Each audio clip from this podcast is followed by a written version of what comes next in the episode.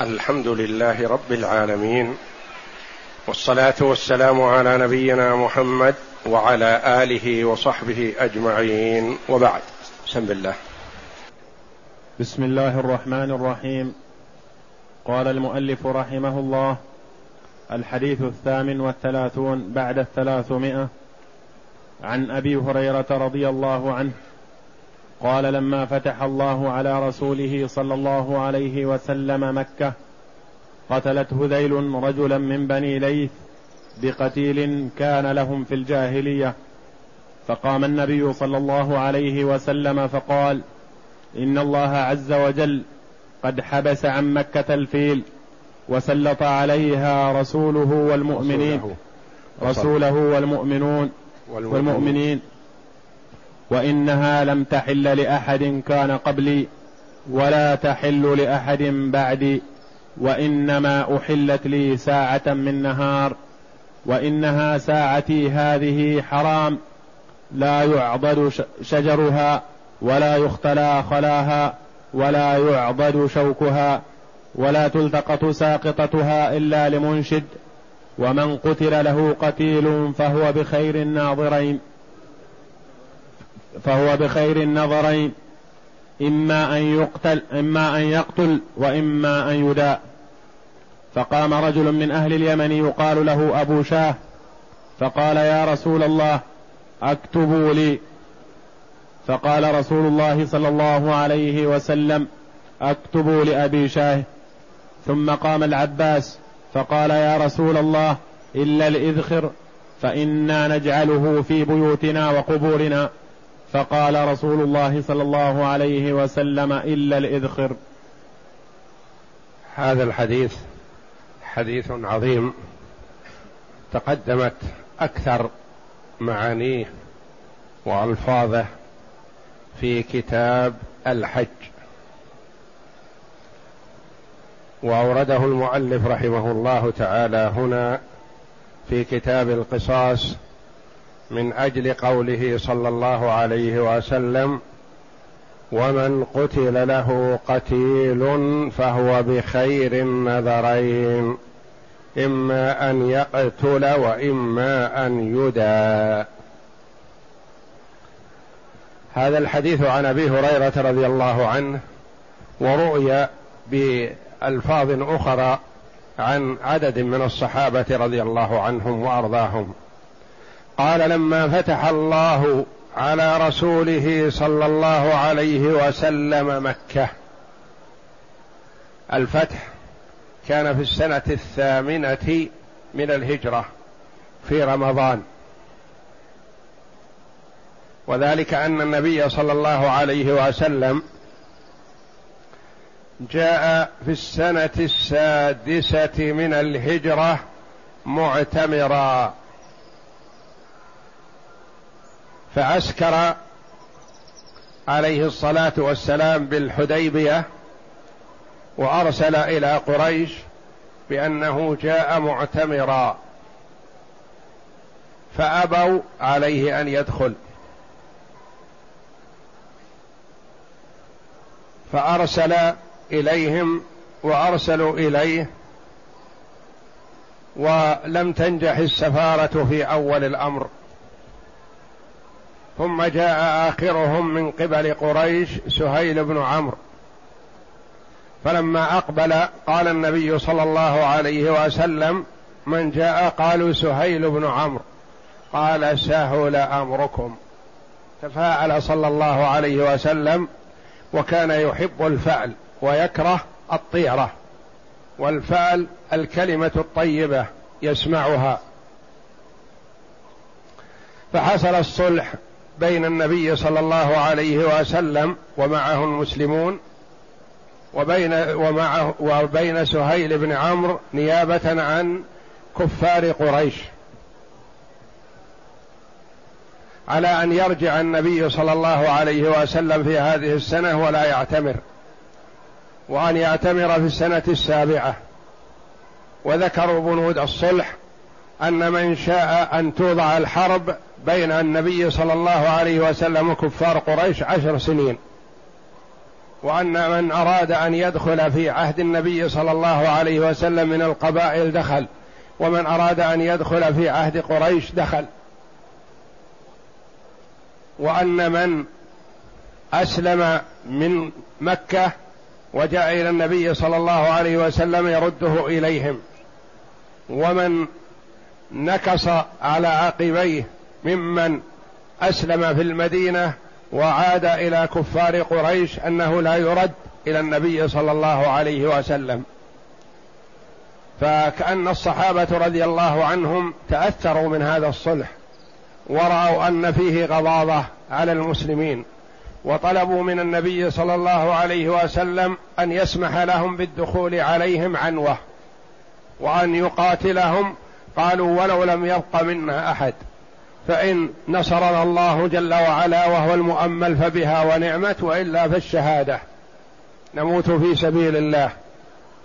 لكن النبي صلى الله عليه وسلم لبعد نظره أبى عليهم ذلك. وقبل الصلح. وأيده الله جل وعلا وسماه الله تبارك وتعالى فتحا مبينا. وأنزل الله جل وعلا فيه سورة الفتح. إنا فتحنا لك فتحا مبينا. وممن تحمس ضد هذا الصلح عمر رضي الله عنه. ولما نزلت هذه السورة أرسل إلى النبي صلى الله عليه وسلم إليه فقرأها عليه. فقال أو فتح يا رسول الله؟ استغرب أن يكون فتح هذا لأنهم رجعوا ما اعتمروا. ونحروا هديهم في الحديبية وعادوا إلى المدينة. تحللوا محصرين منعوا من دخول مكة. والله جل وعلا أعلم وأحكم. فكان سببا للفتح العظيم ومبدأ للفتح والخيرات واتساع رقعة الإسلام وكثرة الداخلين في الدين الإسلامي بهذا الصلح المبارك الذي أقره النبي صلى الله عليه وسلم. وبين لهم صلى الله عليه وسلم أن بنود الصلح كلها في صف المسلمين وفي صالح الإسلام والمسلمين والحمد لله وتم ذلك ولله الحمد. فمن الأسباب أن من دخل في عهد النبي صلى الله عليه وسلم دخل من القبائل ومن دخل في عهد وصلح قريش دخل معهم. وأن لا تعين قريش أحدا من حلفائها على من هم في عهد النبي صلى الله عليه وسلم. ولا يعين النبي صلى الله عليه وسلم أحدا من حلفائه ضد من هم من حلفاء قريش. وأن الفريقان الفريقين إن شاء أن يقتتلا ما تدخل معهم لا قريش ولا النبي صلى الله عليه وسلم. فتقاتلت بكر وخزاعة. فأعانت قريش حلفاءها على حلفاء النبي صلى الله عليه وسلم فانتقض عهدهم الذي كان مدته عشر سنوات بأول السنة الثامنة من الهجرة. والحمد لله. فتجهز النبي صلى الله عليه وسلم لفتح مكة لأن عهد قريش انتقض بمعاونتهم على حلفاء النبي صلى الله عليه وسلم. فدخلها صلى الله عليه وسلم فاتحا منصورا أذن الله جل وعلا له بقتال أهلها إن قاتلوا. وقد عسكر قريبا من مكة وجاءه العباس وكان مسلما مخفيا لإسلامه. ثم التمس فوجد أبا سفيان فأخذه إلى النبي صلى الله عليه وسلم وأخذ له العهد وأخذ له الأمان من النبي صلى الله عليه وسلم وأعطاه النبي صلى الله عليه وسلم قال له اذهب لقريش وقل لهم من دخل المسجد الحرام فهو آمن ومن أغلق عليه بابه فهو آمن ومن دخل دار أبي سفيان فهو آمن لأن العباس قال للنبي صلى الله عليه وسلم اجعل لأبي سفيان شيئا فإنه يحب يعني يحب الفخر. فعرف أبو سفيان أنه لا قبل له ولا لقريش بقتال النبي صلى الله عليه وسلم فأذعنوا وانقادوا. وجاءهم أبو سفيان ونادى في قريش من دخل دار أبي سفيان فهو آمن. قالوا قاتلك الله وما تغني عنا دارك. ما قال ومن دخل المسجد الحرام فهو آمن ومن أغلق عليه بابه فهو آمن. ودخل النبي صلى الله عليه وسلم مكة ولم يلق قتالا عليه الصلاة والسلام. ثم دخل الكعبة ورمى ما فيها وأشار إلى ما فيها من الأصنام وكان فيها ثلاثمائة وستون صنما كلها تعبد من دون الله داخل جوف الكعبة. فأشار النبي صلى الله عليه وسلم بيده الكريمة بعصا في يده فتساقطت بإذن الله. ثم اجتمع أهل مكة حول النبي صلى الله عليه وسلم ووقف فيهم النبي صلى الله عليه وسلم خطيبا. وهم لا يدرون ماذا سيصنع بهم النبي صلى الله عليه وسلم لأنهم قدموا ما لا يسر قدموا من الأمور الفظيعة ما الله به عليم. وهم يستحقون ما يستحقون من عقابه صلى الله عليه وسلم لكنه الحليم الكريم عليه الصلاة والسلام. فوقف صلى الله عليه وسلم بباب الكعبة خطيبا وقال يا معشر قريش ما تظنون أني فاعل بكم؟ قالوا خيرا أخ كريم وابن أخ كريم يعني أنت معروف بالكرم والطيب. الآن قالوا فقال عليه الصلاة والسلام اذهبوا فأنتم الطلقاء. أعتقهم صلى الله عليه وسلم كلهم. و وجاء ما ورد في هذا الحديث قول لما فتح الله على رسوله صلى الله عليه وسلم مكة قتلت هذيل رجلا من بني ليث بقتيل لهم بقتيل كان لهم في الجاهلية. كانوا في الجاهلية يعظمون القتل في الحرم. والحرم معظم والحمد لله في الجاهلية والإسلام. إلا أنه لما خلف خلوف يدعون الإسلام أهانوا حرمة الحرم واستخفوا به وآذوا عباد الله في الحرم وهذا جرم شنيع وخطأ فظيع وأذاهم في سرقة ما في جيوبهم أو أخذ نعالهم أو مضايقتهم بأي نوع من أنواع المضايقة هذا جرم عظيم يستحقون عليه الثواب العقاب العظيم والله جل وعلا يقول ومن يرد فيه بإلحاد بظلم نذقه من عذاب أليم. فكان الحرم معظما في الجاهلية والإسلام لكن هذيل لما رأت النبي صلى الله عليه وسلم أمر بقتل من حارب وآذى ظنوا أنها استبيحت وأنه يجوز فيها القتل فقتلت هذيل رجلا من بني ليث بقتيل كان لهم في الجاهلية فاستنكر هذا النبي صلى الله عليه وسلم وعظمه لأنه معروف عند الجميع تعظيم مكة. فقام عليه الصلاة والسلام خطيبا وقال إن الله عز وجل قد حبس عن مكة الفيل. مكة محفوظة بحفظ الله.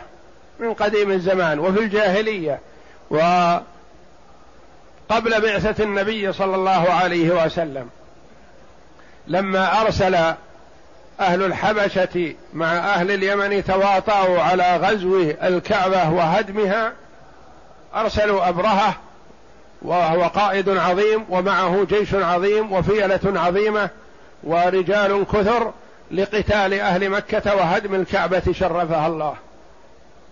فلما وصلوا إلى قرب مكة كما يروى وادي محسر أو ما حوله باتوا ينتظرون ويتطلعون الأخبار ماذا ستعمل قريش وقد جاءوا لهدم شرفهم وشرف آبائهم. فجلس ابراهه ينتظر فجاءه عبد المطلب وكان رجلا جسيما وسيما هو جد النبي صلى الله عليه وسلم لأبيه. فجاءه فأجله واحترمه لأن يظهر عليه مظهر الوقار والاحترام والرجولة والشهامة. فاحترمه أبرهة ووقره. فقال عبد المطلب للمترجم لأبرهة لما سأله أبرهة ما الذي جاء بك ماذا تريد؟ قال لي مئة من الإبل أخذها أصحابك ردوها علي. فقال امرأة لمترجمه قل له أنا أكبرته حينما أقبل إلي وظننت أنه سيطلب مني شيئا نحو البيت نحو الكعبة فإذا به يطلب شيء من المال طفيف مئة من الإبل صغر في عيني وحقر. فقال عبد المطلب أنا رب إبلي وللبيت رب يحميه. فحماه الله تبارك وتعالى. أنا رب إبلي إبلي تهمني والبيت له رب. الله جل وعلا يحميه. وهم في ذاك الوقت على الشرك والجاهلية لكنهم يعرفون أن الله جل وعلا يحمي بيته من كيد الكائدين فقال ردوا عليه إبله أعطوه إبله وزيادة لأنه يظن أنه تمكن منهم. فلما أراد التوجه إلى الكعبة وكان القائد الفيل العظيم حبس منع. يسوقه إلى جهة الكعبة يبرك. يسوقه يمينا أو شمالا أو إلى الخلف يسير بسرعة. إلى جهة الكعبة ما يتقدم ولا خطوة. ثم إن الله جل وعلا كما قص علينا في سورة الفيل ألم تر كيف فعل ربك بأصحاب الفيل؟ ألم يجعل كيدهم في تضليل؟ وأرسل عليهم طيرا أبابيل ترميهم بحجارة من سجيل كأن فجعلهم كعصف مأكول. طيور كالعصافير أو أصغر منها. مع كل طير ثلاثة أحجار. حجران بمخلبيه وبرجليه وحجر بفيه عاض عليه بمنقاره. وكل حجر لشخص مع فيخرق البيضة التي على رأسه ويدخل جسمه وينفذ إلى الفرس الذي تحته الراحلة ويهلك الجميع في مكانهم. على عددهم بإذن الله تبارك وتعالى. وما احتاجوا إلى جيش ولا إلى قتال وإلى إنما هي بمثابة العصافير. بأمر الله تعالى. فلم يسلم منهم إلا واحد. هرب لحكمة يريدها الله جل وعلا. فهرب إلى جهته. ويظن أنه سلم وأنه هلك ربعه وهو باقي سالم. فذهب وأخبر من أرسله وفي بلاده فلما وصل الخبر جاءه حجره فأهلكه في مكانه أمامهم ليريهم جل وعلا ما فعل بأصحابهم. وللبيت رب يحميه. فالله جل وعلا حبس الفيل عن مكة. ما أراد أن يدخلها الفيل وأصحابه. أهلكهم جل وعلا قبل وصولهم. إن الله عز وجل حبس عن مكة الفيل وسلط عليها رسوله والمؤمنين. استدل بهذا العلماء على أن مكة فتحت عنوة لأن التسليط يعني قوة. ما قال صلى الله عليه وسلم فتحها أو وفق أهلها للصلح مع رسوله قال وسلط عليها رسوله والمؤمنين. يعني أباحها لهم.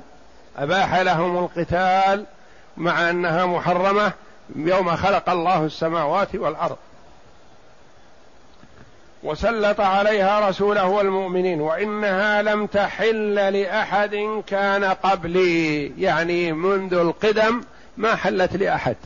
ولا أباح الله جل وعلا فيها القتال لأهلها من أحد. وبين النبي صلى الله عليه وسلم الفيل الذي يعرفونه ويدركونه لأن بعض آه، كبارهم أدرك هذا لأن النبي صلى الله عليه وسلم ولد عام الفيل. وحينما فتح الله جل وعلا لرسوله صلى الله عليه وسلم مكة في السنة الثامنة من الهجرة مع ثلاث وخمسين كان عمر النبي صلى الله عليه وسلم حين هاجر إلى المدينة كان كبراءهم أدركوا عام الفيل. وإنها لم تحل لأحد كان قبلي ولا تحل لأحد بعدي. لا يحل فيها القتال ولا يحل فيها القتل والتعدي حتى لو كان المرء مطلوبا للقتال فلا يقتل في مكة. على تفصيل في هذا أنه إن قتل في مكة يقتل وإن كان قتله في غير مكة فيضيق عليه حتى يخرج ويقتص منه. ولا تحل لأحد بعدي وإنما أحلت لي ساعة من نهار. تحليلها ساعة بإذن الله تبارك وتعالى. أباحها لرسوله صلى الله عليه وسلم هذه الساعة وعادت حرمتها اليوم كحرمتها بالأمس.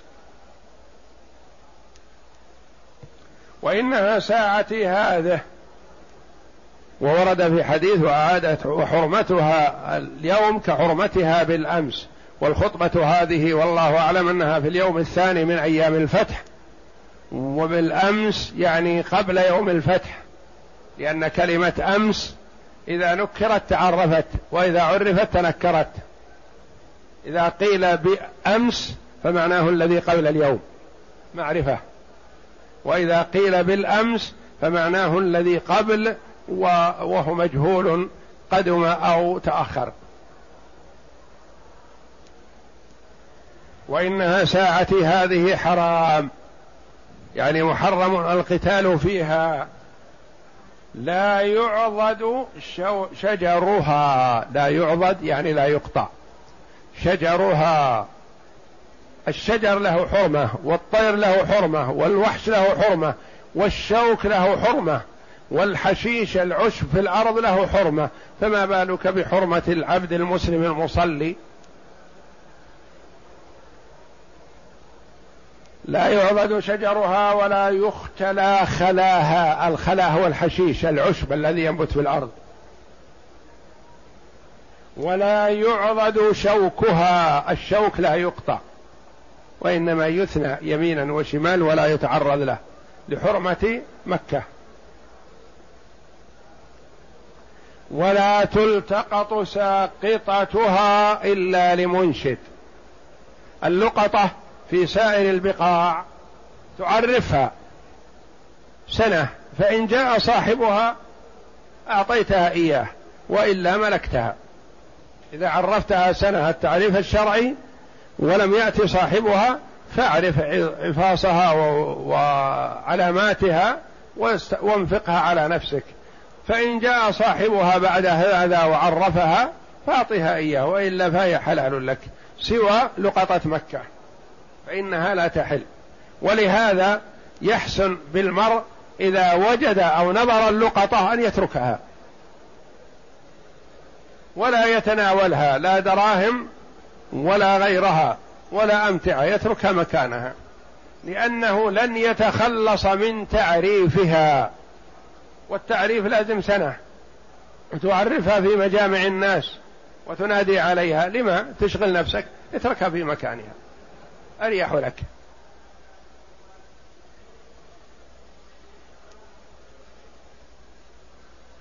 ولا تلتقط ساقطتها إلا لمنشد. ما يحل أن تلتقط الساقطة إلا من أراد إنشادها. ومن قتل له قتيل فهو بخير النظرين. هذا الشاهد عندنا من الحديث. قتل له قتيل يعني عمد عدوان. بخلاف الخطأ فالخطأ ليس فيه قصاص. الخطأ فيه الدية.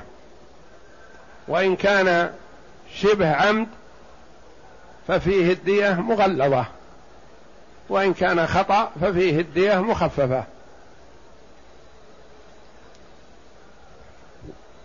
وإن كان عمد فالمرء مخير بين القصاص وبين الدية وبين العفو مجانا.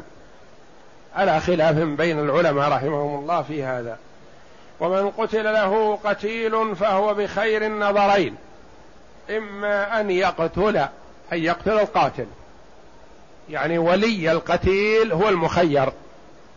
إما أن يقتل وإما أن يدعى يعني تدفع له الدية.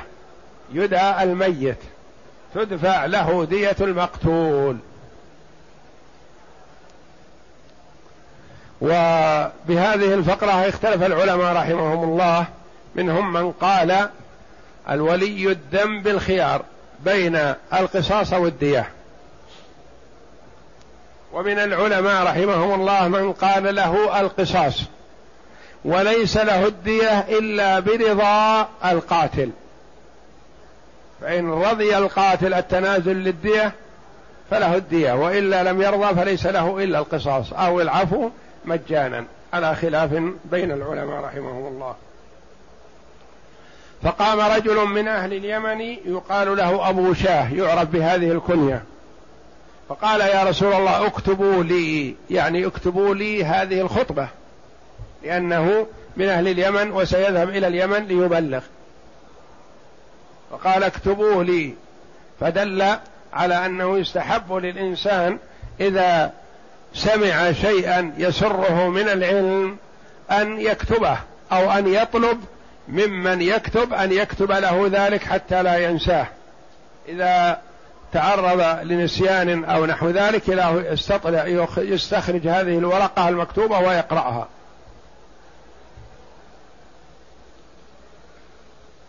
فقال رسول الله صلى الله عليه وسلم اكتبوا لأبي شاه.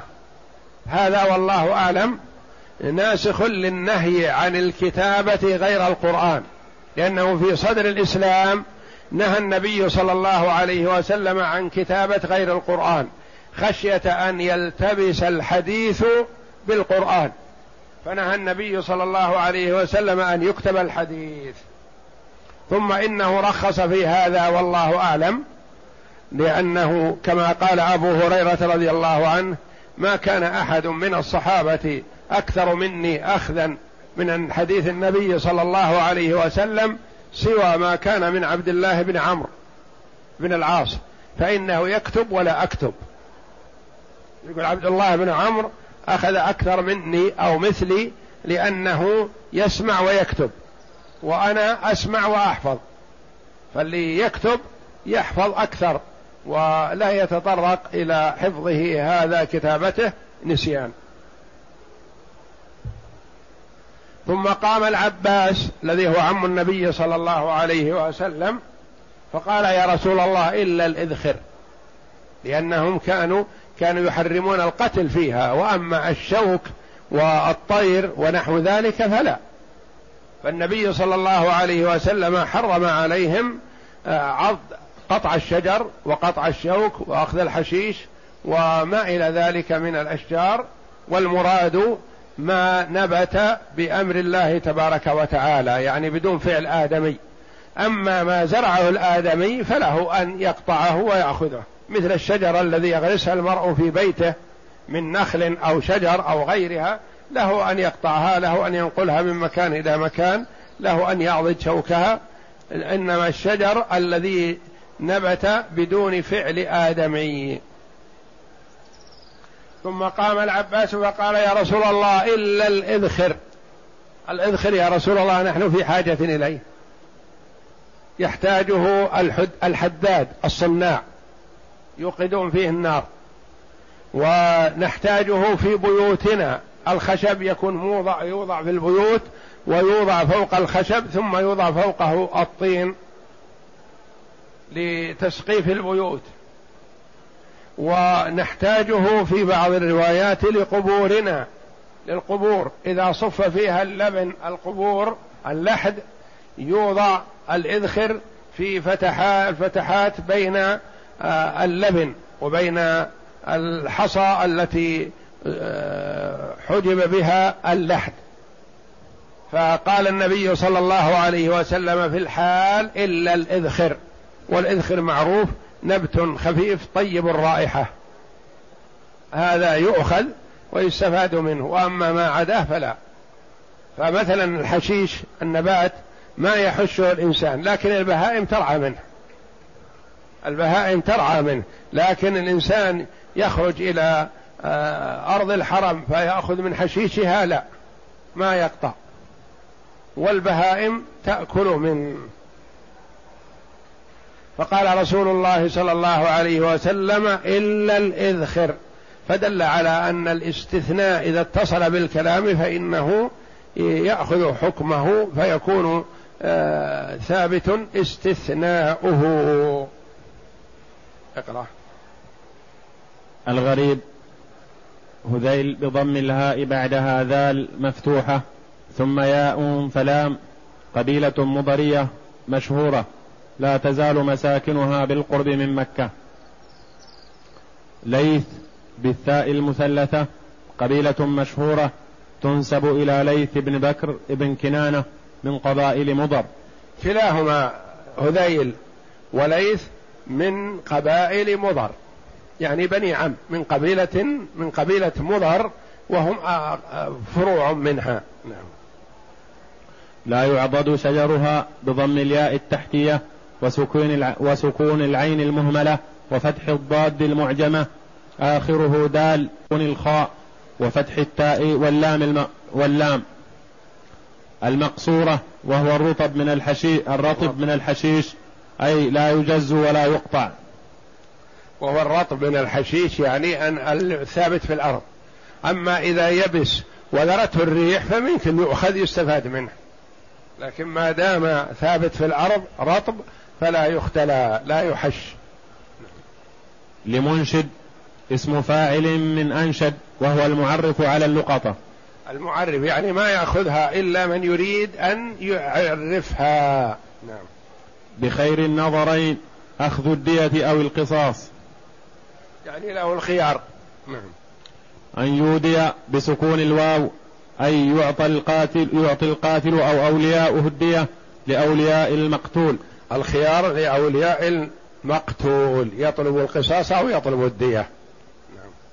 أبو شاه بالشين المعجمة بعدها ألف فهاء بالوقف والدرج ولا يقال بالتاء. الدرج أبو شاه. يعني هذا لفظه أبو شاه. سواء وقفت عليها أو مشيت بعدها يعني قرأت التي بعدها. فما يقال أبو شات بالتاء لا. وإنما هي بالهاء وقفا ودرجا. الإذخر بكسر الهمزة وبعدها ذال فخاء معجمتان ثم راء. نبت معروف طيب الرائحة دقيق الأصل صغير الشجر. بكسر الهمزة وبعدها ذال فخاء معجمتان. المعجمة المنقوطة يعني ذال ليست دال وخاء ليست حاء. المعجمة يعني المنقوطة. الإذخر وليست الإدخر الإدحر لا. ما يؤخذ من الحديث تقدمت أكثر معاني هذا الحديث في كتاب الحج. ونجملها هنا مفصلين الفوائد الزوائد. أولا فيه دليل على أن مكة فتحت عنوة إذ حبس الله عنها الفيل وسلط عليها رسوله والمؤمنون والمؤمنين. قال النووي في شرح مسلم من خصائص الحرم ألا يحارب أهله فإن بغوا على أهل العدل فك فقد قال بعض العلماء يحرم قتالهم بل يضيق عليهم حتى يرجعوا إلى الطاعة ويدخلوا في أحكام العدل. وقال الجمهور يقاتلون على بغيهم إذا لم يكن ردهم عن البغي إلا بالقتال لأن قتال البغاة من حقوق الله التي لا يجوز إضاعتها إضاعتها فحفظها في الحرم أولى من إضاعتها. ثانيا آه، الاستدلال في أنها فتحت عنوة بأن الله حبس حبس الله عنها الفيل وسلط عليها رسوله والمؤمنين. يعني أن النبي صلى الله عليه وسلم قارن بين هذين. الفيل لما جاء لقتال أهلها حبسه الله جل وعلا. وجاء النبي صلى الله عليه وسلم لقتال أهلها بتسليط من الله. الله جل وعلا سلطه على قتال أهلها في تلك الساعة التي أحلها له عليه الصلاة والسلام. ثانيا أن مكة محرمة لم تحل لأحد وأنها لا تزال ولن تزال محرمة. فلا يعضد شجرها وشوكها ولا يقطع أو يجز خلاها. ففي هذا بيان شرفها وحرمتها عند الله تعالى. وذلك من يوم أن خلق الله السماوات والأرض. وقد اختلف العلماء رحمهم الله هل التحريم من يوم أن خلق الله السماوات والأرض أم أن إبراهيم عليه السلام حرمها؟ فجمع بعض العلماء بين هذا وهذا لأنه ورد أن إبراهيم حرم مكة. أن الله جل وعلا حرمها يوم خلق السماوات والأرض. ثم نسي هذا التحريم ثم أحياه إبراهيم على نبينا وعليه أفضل الصلاة والسلام. ثالثا استثني من ذلك ما أنبته الآدمي وما وجد مقطوعا ورعي البهائم والكمأة والإذخر فهذه مباحة. والكمعة كذلك لأنها ليست من نوع الشجر ولا يبقى لها أصل وإن أخذت تستفيد منها وإن لم تؤخذ فذهبت آه، هدر بدون فائدة. رابعا أن لقطة الحرم لا, تج... لا تحل إلا لمن أراد التعريف عليها حتى يجدها صاحبها. فإذا أيس من صاحبها تصدق بها عنه بنية تعويضه عنها إذا جاء يطلبها. من أخذها ولم يجد صاحبها يعني وأيس من وجود صاحبها فله أن يتصدق بها. بنية تعويضه إن جاء يعني لو جاء بعدما تصدق بها يخبره. يقول بحثت عنك فلم أجدك وتصدقت بها فإن رضيت وإلا أعطيتك قيمتها. فلذا الأحسن للإنسان ألا يأخذها. انظر إليها واتركها. لعل وفي بقائها في مكانها أقرب لأن يجدها صاحبها لأنه ربما سقطت من صاحبها الآن. ثم مشى قليلا وعاد. فإن كنت أخذتها أنت أو أحد غيرك ذهبت على صاحبها. وإن بقيت مكانها عاد صاحبها ووجدها. لو تقيد الناس بهذا لما ضاعت لقطة. نعم. خامسا كتابة العلم ففيها حفظه وتقييده عن الضياع عن الضياع. وقد حث الله تعالى عن على الكتابة بقوله علم بالقلم علم الإنسان ما لم يعلم وعظمها بقوله تعالى نون والقلم وما يسطرون. يعني أن الله جل وعلا أقسم بالقلم وقسم الله جل وعلا بشيء من مخلوقاته إظهارا لفضله وتعظيمه. ففي الكتابة مصالح الدنيا والآخرة. سادسا مصالح الدنيا في العقود والمواثيق بين الناس والبيوع والتأجير وغير ذلك ومصالح الآخرة حفظ العلم. سادسا قوله صلى الله عليه وسلم ومن قتل له قتيل فهو بخير النظرين إما أن يقتل وإما أن يداء. فيه دليل على أن, أن يقتل يعني هو يقتل القاتل. أو يدى القاتل المقتول يعني تدفع دية المقتول. نعم. فيه دليل على أن لأولياء المقتول وهم ورثته العفو مطلقا وهو أفضل لهم والعفو إلى الدية وأن لهم القصاص والتخيير وهو المشهور من مذهبنا. وكان القصاص متحتما في التوراة. فخفف الله عن هذه الأمة بجواز العفو عن القاتل إلى الدية بقوله فمن عفي له من أخيه شيء فاتباع بالمعروف وأداء إليه بإحسان ذلك تخفيف من ربكم ورحمة. ففي شريعة موسى على عليه الصلاة والسلام ما في إلا القصاص وهو حتم. وخفف الله عن هذه الأمة ورحمها وأكرمها بأن جعل لها الخيار بين ثلاثة أمور. القصاص أو الدية أو العفو مجان. والقصاص عدل والعفو إحسان. فينبغي أن يوافق أن يوافق موقعه. ولذا قال شيخ الإسلام ابن تيمية استفاء الإنسان حقه من الدم عدل والعفو إحسان والإحسان هنا أفضل. لكن هذا الإحسان لا يكون إحسانا إلا بعد العدل وهو أن لا يحصل ضرر.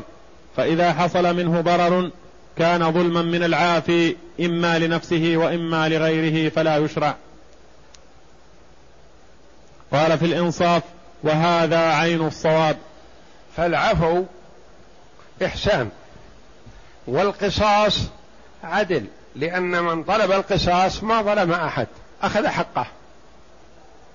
والعفو عادة أنه أفضل من العدل. لكن بشرط ألا يترتب على العدل مضرة أعظم. فأحيانا مثلا يكون الجاني سفاك للدماء مؤذي للناس ثم أخذ هذه المرة مثلا واعترف أنه قتل عمد عدوان. فإذا قلنا لأولياء الدم وطلبنا منهم العفو اعفوا عنه سيستمر في سفكه للدماء وعدائه للناس. فمن باب الرحمة في المجتمع ألا يعفى عنه بل يعدل في حقه فيقتل حتى يراح الناس من شره. فأحيانا يعني الأصل أن العفو أفضل من العدل. وأحيانا يكون العدل فيه رحمة للمجتمع وإحسان إليهم وإحسان إلى القاتل نفسه. يريح ليستريح المسلمون من شره. فيكون الأفضل في حقه العدل وقتله ليستراح منه إذا كان مؤذيا. والله أعلم. وصلى الله وسلم وبارك على عبده ورسول نبينا محمد وعلى آله وصحبه أجمعين.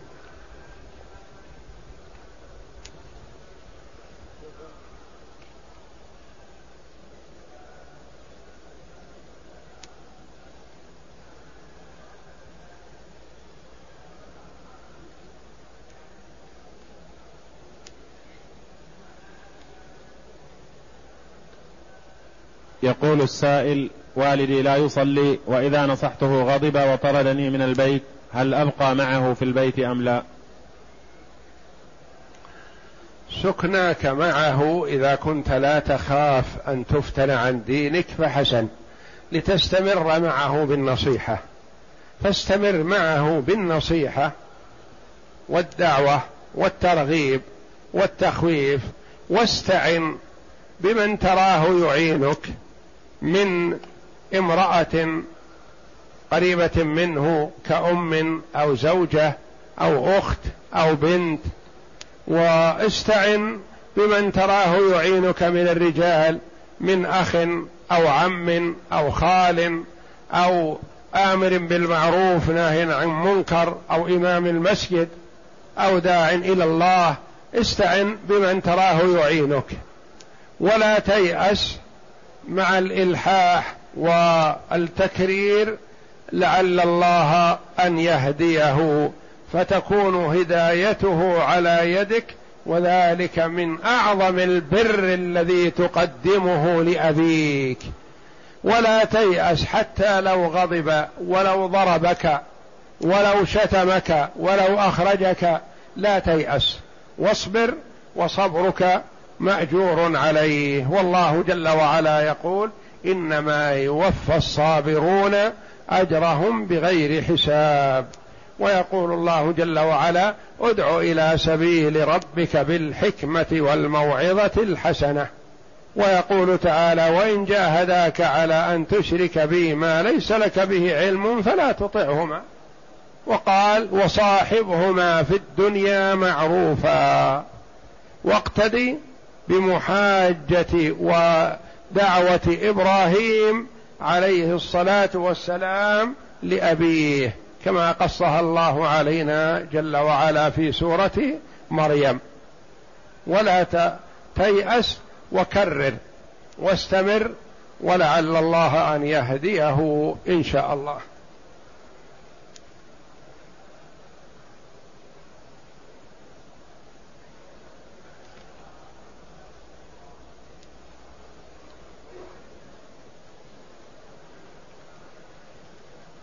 يقول يقول السائل هل يجوز الحج عن امرأة ماتت وهي لا تصلي؟ إذا كانت تاركة للصلاة في الكلية فترك الصلاة بالكلية والعياذ بالله كفر فلا يحج عنها وإن كانت تصلي أحيانا وتترك أحيانا فالحج عنها حسن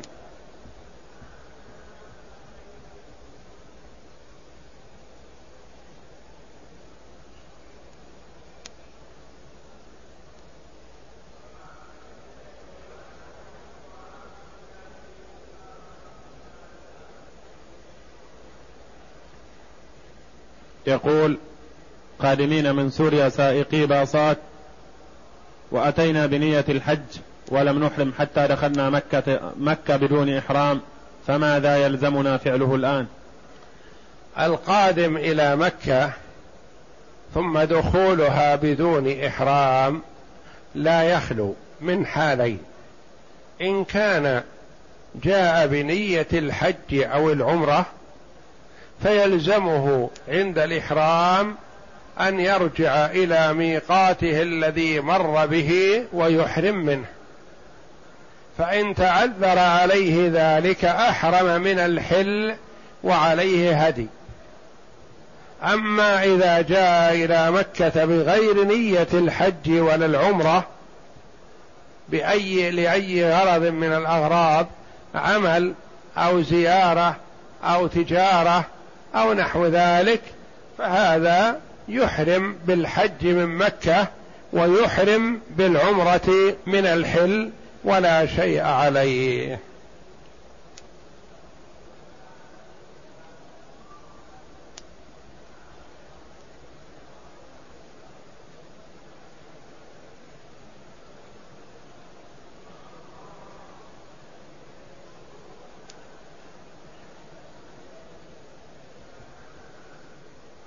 يقول جئت من بلادي في رمضان بعمرة وبقيت في مكة وأتيت بعمرة أخرى من جدة ولم أنوي الحج إلى الآن فهل أنوي مفردا أو قارنا أو متمتع؟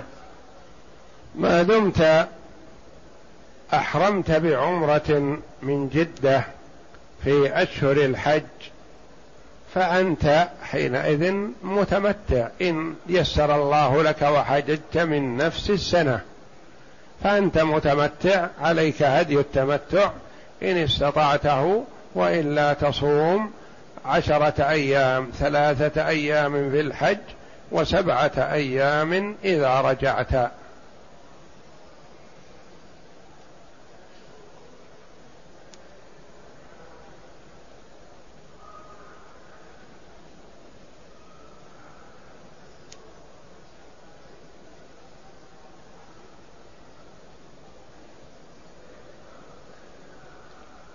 يقول ما حكم لبس الخاتم من حديد؟ إذا كان حرام فكيف بمن يلبس الساعات الحديدية؟ وكذلك المسدسات وغيره من الحديد وكيف نعمل بحديث التمس ولو خاتما من حديد؟ التختم بالحديد مكروه على ما يراه كثير من العلماء ليس بحرام وليس بمباح. وإنما هو مكروه. دل على الكراهة قوله صلى الله عليه وسلم إنه حلية أهل النار. ودل على الجواز وعدم الحرمة قوله صلى الله عليه وسلم للرجل الذي يريد المرأة التمس ولو خاتما من حديد. فدل على جواز لبس خاتم الحديد. لكنه مع الكراهة والله أعلم. وأما الساعة فلا تقاس عليه لأن الساعة ملبوسة لأنها ساعة وليست لأنها حلي ولم يتحل بها وإنما هي ساعة.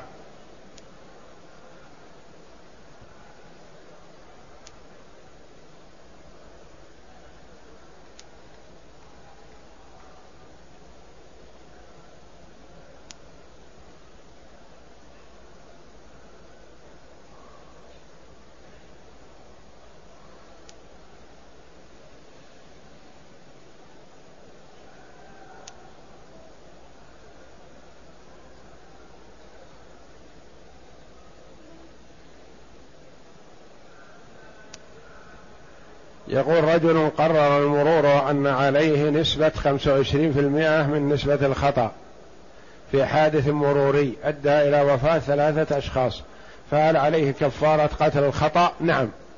ما دام أن عليه شيء من نسبة الخطأ فإن الكفارة ما تتبعض. ما قد يشترك في الكفارة عشرة وأكثر من ذلك.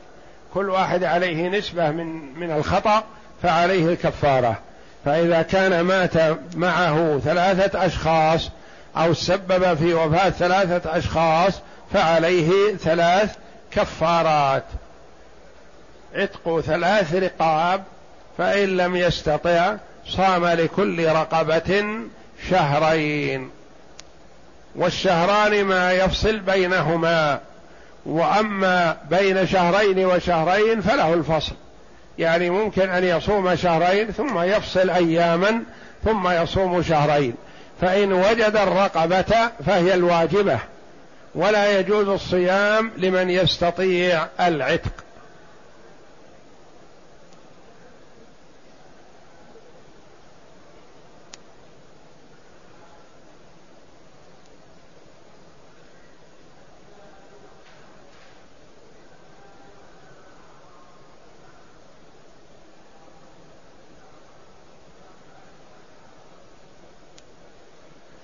امرأة جاءت مع رفقتها ولكن عليها العادة الشهرية فهي حائض.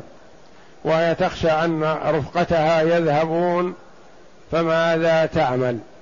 إذا قرب وقت سفرها وهي لم تغتسل فتعرض أمرها على طالب علم يجد لها الحل إن شاء الله. وأما ما داموا مقيمين بمكة فتنتظر لعلها ينقطع حيضها وتغتسل قبل سفر رفقتها.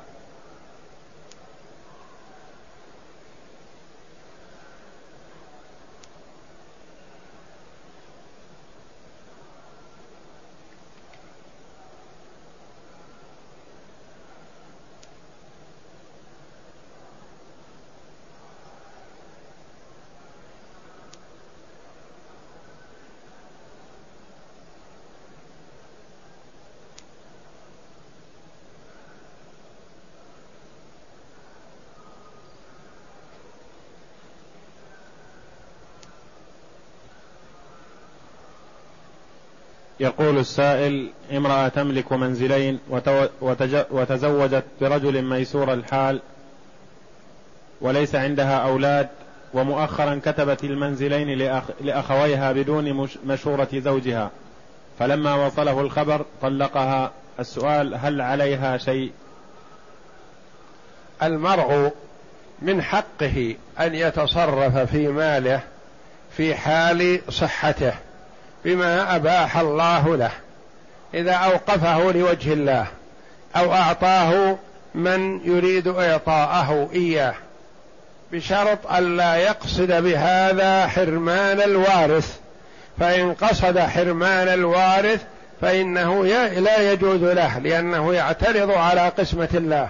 أما إذا لم يقصد هذا وأراد التقرب إلى الله جل وعلا بكل ماله أو أراد مبرة من أحسن إليه أو من له حق عليه ونحو ذلك فلا بأس عليه. وأما في حال المرض فلا ينفذ من ماله إلا بمقدار الثلث فقط وما بقي يكون للورثة. وهذا يقول عندي زوجة ولي منها أولاد و حصل بيني وبينها مشاكل وهي لا تحب أن أطلقها. هل علي إثم إذا تزوجت غيرها؟ لا يا أخي ما عليك إثم لو تزوجت ثلاثا معها مع حسن معاملتها. ما في حرج. الله جل وعلا يقول فانكحوا ما طاب لكم من النساء مثنى وثلاث ورباع. والنبي صلى الله عليه وسلم أكثر زوجاته تزوجهن بعد عائشة رضي الله عنها وعائشة هي أحب نسائه إليه عليه الصلاة والسلام. فتزوج المرء بثانية أو ثالثة أو رابعة لا يدل على كراهيته أو بغضه لزوجته التي معه.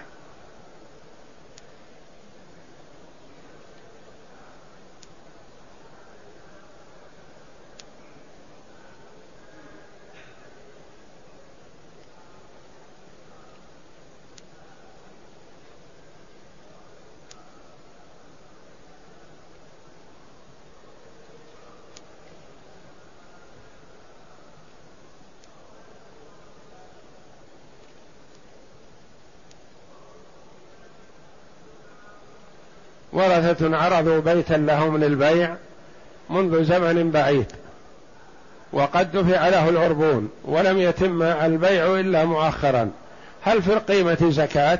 لا قيمة البيت الذي يبيعونه ليس فيه زكاة لأن الزكاة في النقدين المرصودة والزكاة في عروض التجارة وأما ما كان بيتا له لو عرضه عشر سنين للبيع ولم يبعه ما يعتبر فيه الزكاة. وإذا كانت الدراهم عنده في صندوقه ففيها الزكاة كلما حال عليها الحول.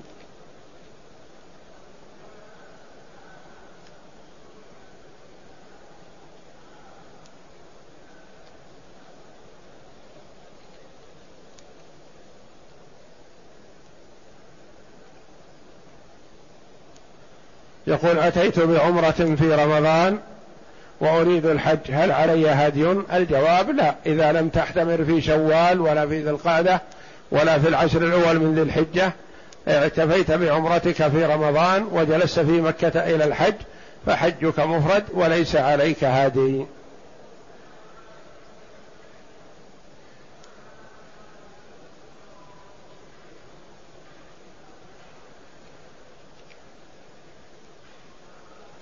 يقول ما الفرق بين المغفرة والرحمة؟ الغفران هو مسح والعفو عن ذنوب مضت من المرء يغفرها الله جل وعلا. والرحمة يرحم الله جل وعلا من شاء من عباده فيعطيه ما لا يستحق بفضله ورحمته سبحانه. وقد يرحم المذنب فيغفر له.